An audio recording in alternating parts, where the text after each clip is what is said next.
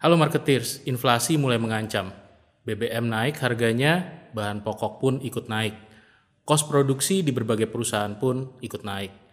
Perusahaan dihadapkan pada dilema, harus naik harga atau tidak. Saya Iwan Setiawan dan ini adalah analisis.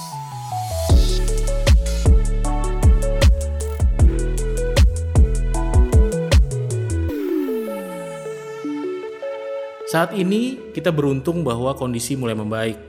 Bisnis pun mulai meningkat kembali. Kita melihat bahwa growth sekarang sudah mulai stabil di level 5 persenan.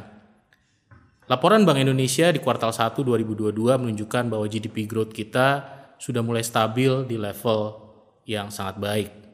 Demikian juga dengan mobilitas. Orang sudah mulai berani keluar dari rumah dan beraktivitas seperti sebelum pandemi. Ini juga didukung oleh data yang dikeluarkan oleh Kementerian Kesehatan yang bilang bahwa 99,2 persen masyarakat Indonesia sebetulnya sudah punya antibodi sehingga banyak orang yang mendengarkan data tersebut menjadi lebih pede untuk kembali beraktivitas seperti sebelum pandemi. Tapi ada satu ancaman lagi yang masih menghantui banyak bisnis saat ini, yaitu ancaman atau bahaya inflasi. Kalau dilihat dari estimasi Bank Indonesia, di bulan Mei 2022 kita mengalami inflasi 2,65 persen year to date atau 3,64 persen year on year. Ini sudah menunjukkan tanda yang sangat mengkhawatirkan. Kenapa demikian? Karena ini sudah merupakan level tertinggi sejak tahun 2017.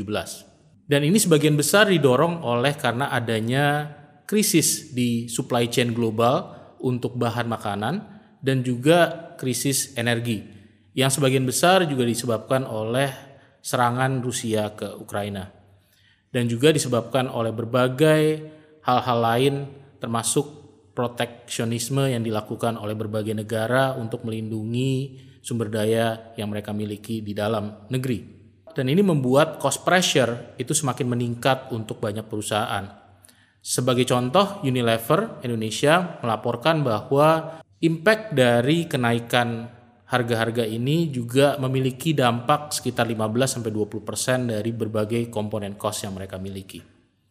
Pertanyaannya adalah apakah kenaikan biaya produksi yang dialami oleh perusahaan harus dilanjutkan kepada konsumen dalam bentuk kenaikan harga? Perusahaan mengalami dilema harus menaikkan harga atau tidak. Tentunya banyak kekhawatiran yang dirasakan oleh perusahaan ketika mereka harus menaikkan harga. Yang pertama mereka berpikir apakah pelanggan-pelanggan saya akan lari? Apakah terjadi customer churn? Selain itu mereka juga berpikir apakah kompetitor mereka yang belum menaikkan harga bisa merebut atau mencuri pelanggan dari tangan mereka.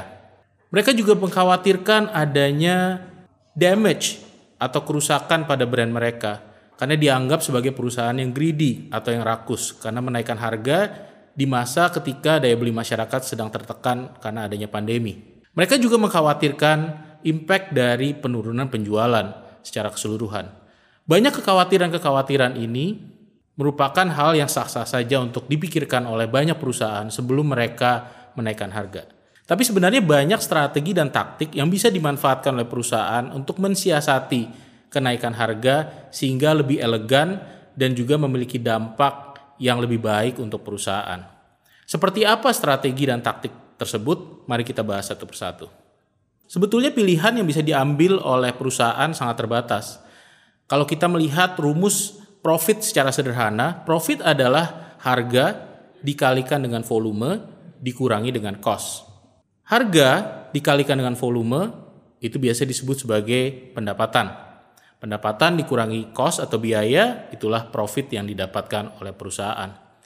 Kalau berkaca dari rumus ini, pilihannya cuma apakah kita menaikkan harga sehingga pendapatan kita meningkat, atau kita meningkatkan penjualan secara volume, berjualan lebih banyak sehingga juga meningkatkan pendapatan, atau kita mengurangi cost dengan cara-cara lain. Apabila bahan baku yang digunakan untuk memproduksi produk atau biaya sumber daya manusia yang digunakan untuk menciptakan layanan naik, kita mungkin bisa mengurangi cost di elemen-elemen atau komponen-komponen lain. Inilah pilihan-pilihan terbatas yang bisa digunakan oleh perusahaan.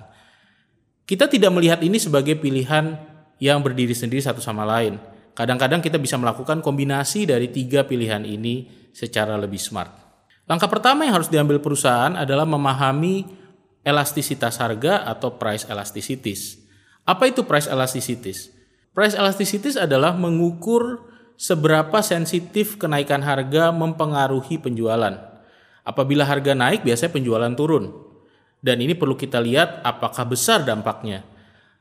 Sebuah perusahaan atau produk yang memiliki elastisitas produk yang cukup tinggi atau disebut sebagai elastic kategori adalah produk atau perusahaan yang apabila meningkatkan harganya maka salesnya akan menurun secara tajam. Tapi ada juga perusahaan atau merek yang apabila meningkatkan harganya sebetulnya salesnya tidak terlalu terdampak turun cukup jauh. Karena itu ada yang disebut sebagai elastis, ada yang disebut sebagai inelastis. Perusahaan-perusahaan yang memiliki reputasi bagus dengan kualitas yang tinggi, termasuk di antaranya adalah produk-produk luxury, di mana segmen mereka lebih mementingkan kualitas dan tidak terlalu sensitif terhadap harga, biasanya lebih inelastik. Artinya, dampak kenaikan harga tidak terlalu berpengaruh pada penurunan penjualan. Tetapi produk-produk komoditas yang tidak punya diferensiasi, yang dengan mudah disubstitusi oleh produk kompetitor atau produk-produk lain yang sejenis, itu cenderung lebih elastis karena apabila harganya naik orang cenderung bisa beralih dengan mudah ke alternatif-alternatif lain. Sehingga inilah yang membahayakan apabila kita melakukan kenaikan harga. Kita perlu memahami apabila kategori kita elastis atau tidak elastis sebagai landasan untuk keputusan menaikkan harga atau tidak. Dan ada tiga faktor yang biasa saya lihat untuk menentukan apakah produk kita itu elastis atau tidak elastis. Yang pertama adalah price sensitivity dari segmen utama kita. Perhatikan pelanggan-pelanggan Anda, apakah mereka price sensitif atau tidak. Di masa lalu ketika kita menaikkan harga, apakah terjadi penurunan penjualan atau tidak? Apakah banyak komplain ketika harga kita naik? Apabila iya, maka berarti price sensitivity-nya cukup tinggi. Orang cukup sensitif terhadap kenaikan harga. Kita juga perlu melihat loyalitas dari pelanggan kita. Pelanggan-pelanggan yang loyal cenderung tidak beralih ketika harga naik karena mereka masih mencintai mereknya. Tetapi pelanggan-pelanggan yang tidak loyal dengan mudah bisa switch ke alternatif-alternatif lain. Yang perlu kita perhatikan juga adalah kompetisi dan juga substitusi. Apakah kompetisinya cukup kuat sekali di kategori Anda dengan banyak pilihan-pilihan lain atau bahkan ada produk substitusi yang tidak head to head dengan Anda tetapi bisa menggantikan fungsi dari produk Anda. Yang perlu kita perhatikan juga adalah level of engagement. Ada produk-produk terutama yang berharga tinggi seperti mobil misalnya itu merupakan kategori yang memiliki high engagement. Artinya ketika orang memutuskan membeli, mereka betul-betul memikirkan pros dan cons dan juga memperhatikan persaingan dan semua alternatif yang tersedia di market sebelum mereka memutuskan produk terakhir yang mereka beli. Ini menunjukkan bahwa mereka betul-betul memperhatikan pilihan mereka. Ini ciri-ciri dari perusahaan yang high engagement. Ini ciri-ciri dari kategori yang high engagement. Tetapi ada kategori-kategori lain seperti consumer product, seperti snack atau candy yang merupakan kategori low engagement di mana orang tidak berpikir panjang untuk memutuskan apabila memilih brand A atau brand B. Di kategori-kategori yang memiliki engagement tinggi, tentunya price-nya lebih inelastik karena banyak faktor-faktor lain yang juga dipertimbangkan selain harga.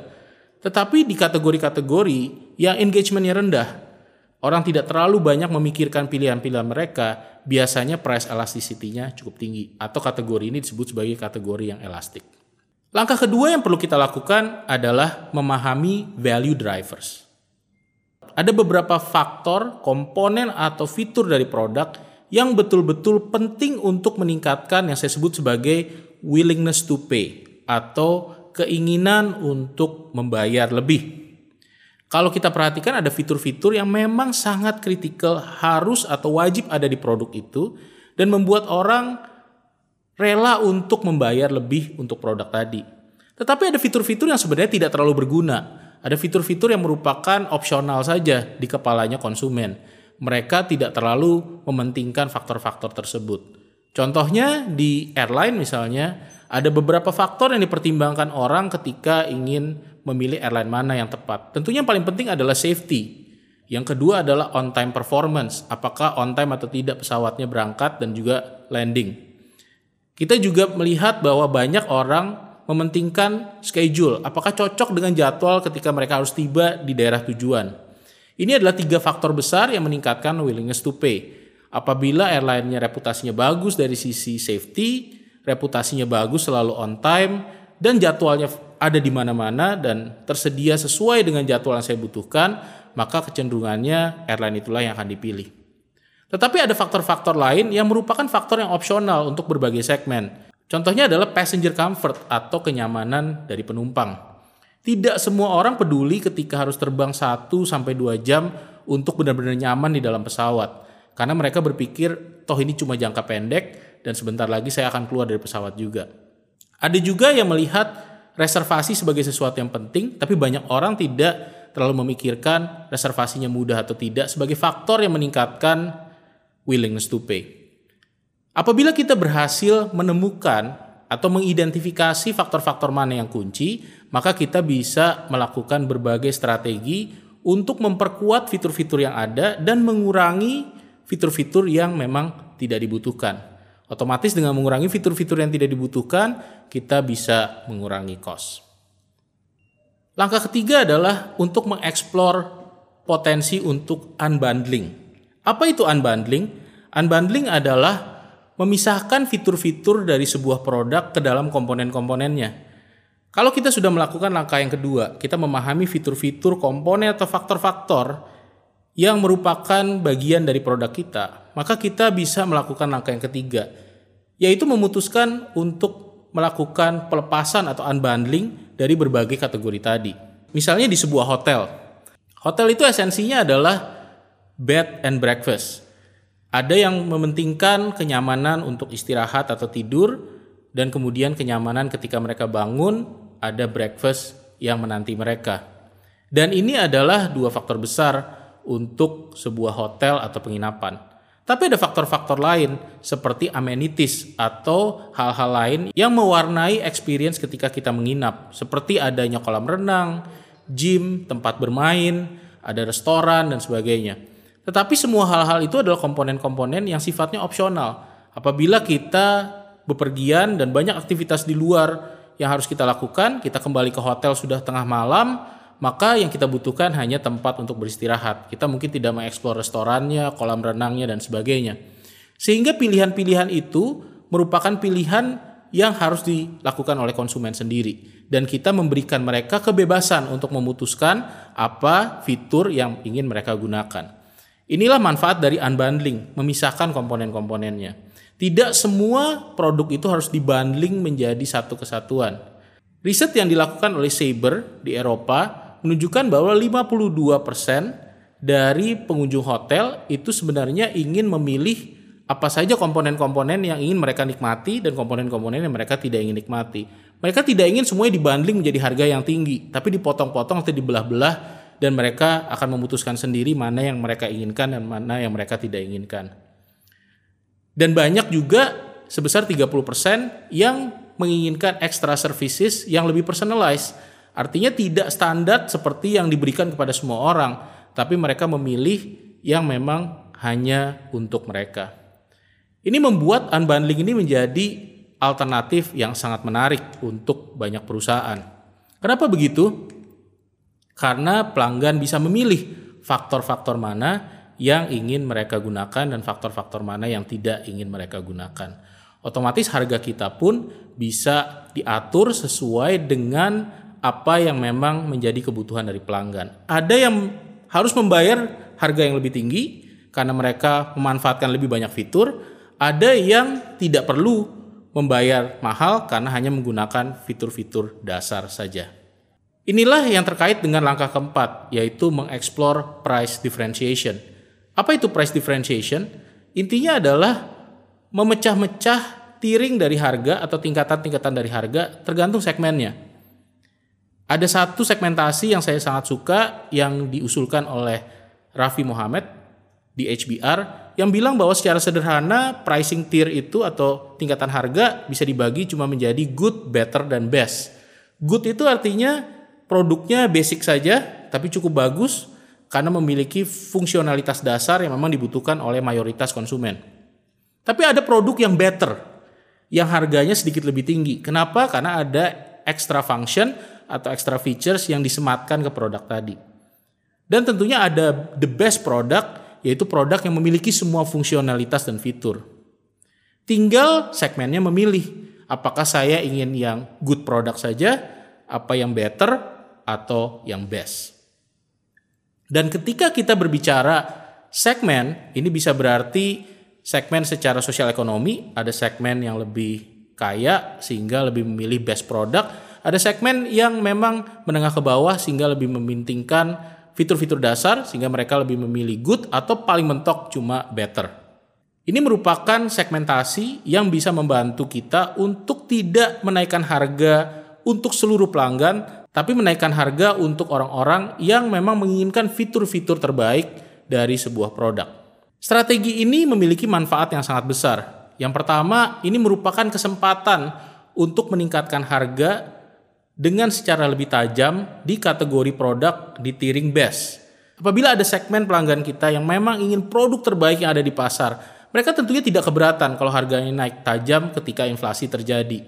Mereka mungkin punya daya beli dan memang menginginkan kualitas terbaik yang tersedia.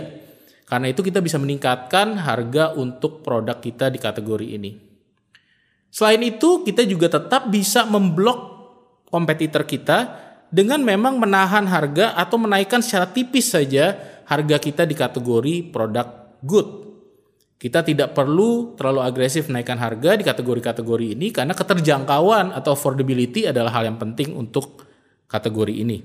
Dan tentunya manfaat terbaik adalah kita memberikan kebebasan untuk pelanggan memilih produk mana yang mereka ingin gunakan. Apabila mereka keberatan untuk membeli harga yang lebih tinggi karena adanya kenaikan harga, maka kita bilang kita toh ada barang yang lebih murah yang ada di tier atau tingkatan good. Langkah terakhir yang bisa diambil oleh perusahaan adalah exploring yang disebut sebagai shrinkflation. Apa itu shrinkflation? Shrinkflation adalah mengecilkan volume dari produk atau kemasan untuk menjaga harga di level yang sama.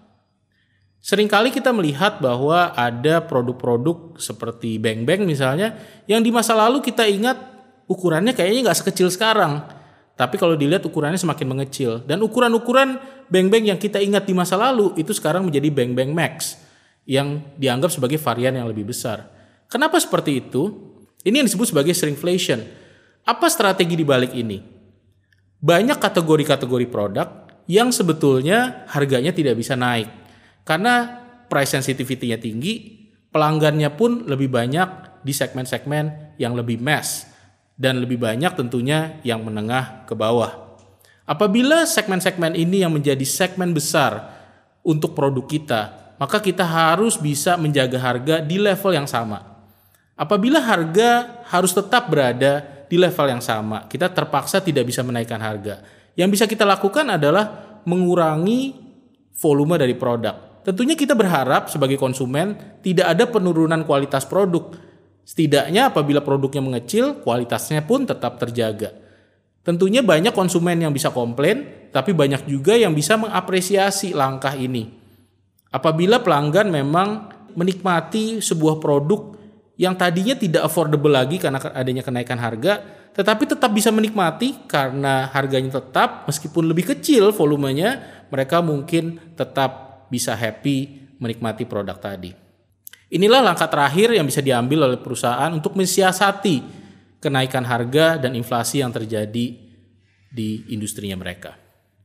Semoga bermanfaat, sampai jumpa di episode berikutnya. Apabila Anda belajar banyak dari analisis, tolong subscribe, like, dan share konten yang kami create ini. Dan apabila ada pertanyaan yang ingin saya bahas di analisis, silakan tanyakan di kolom komentar.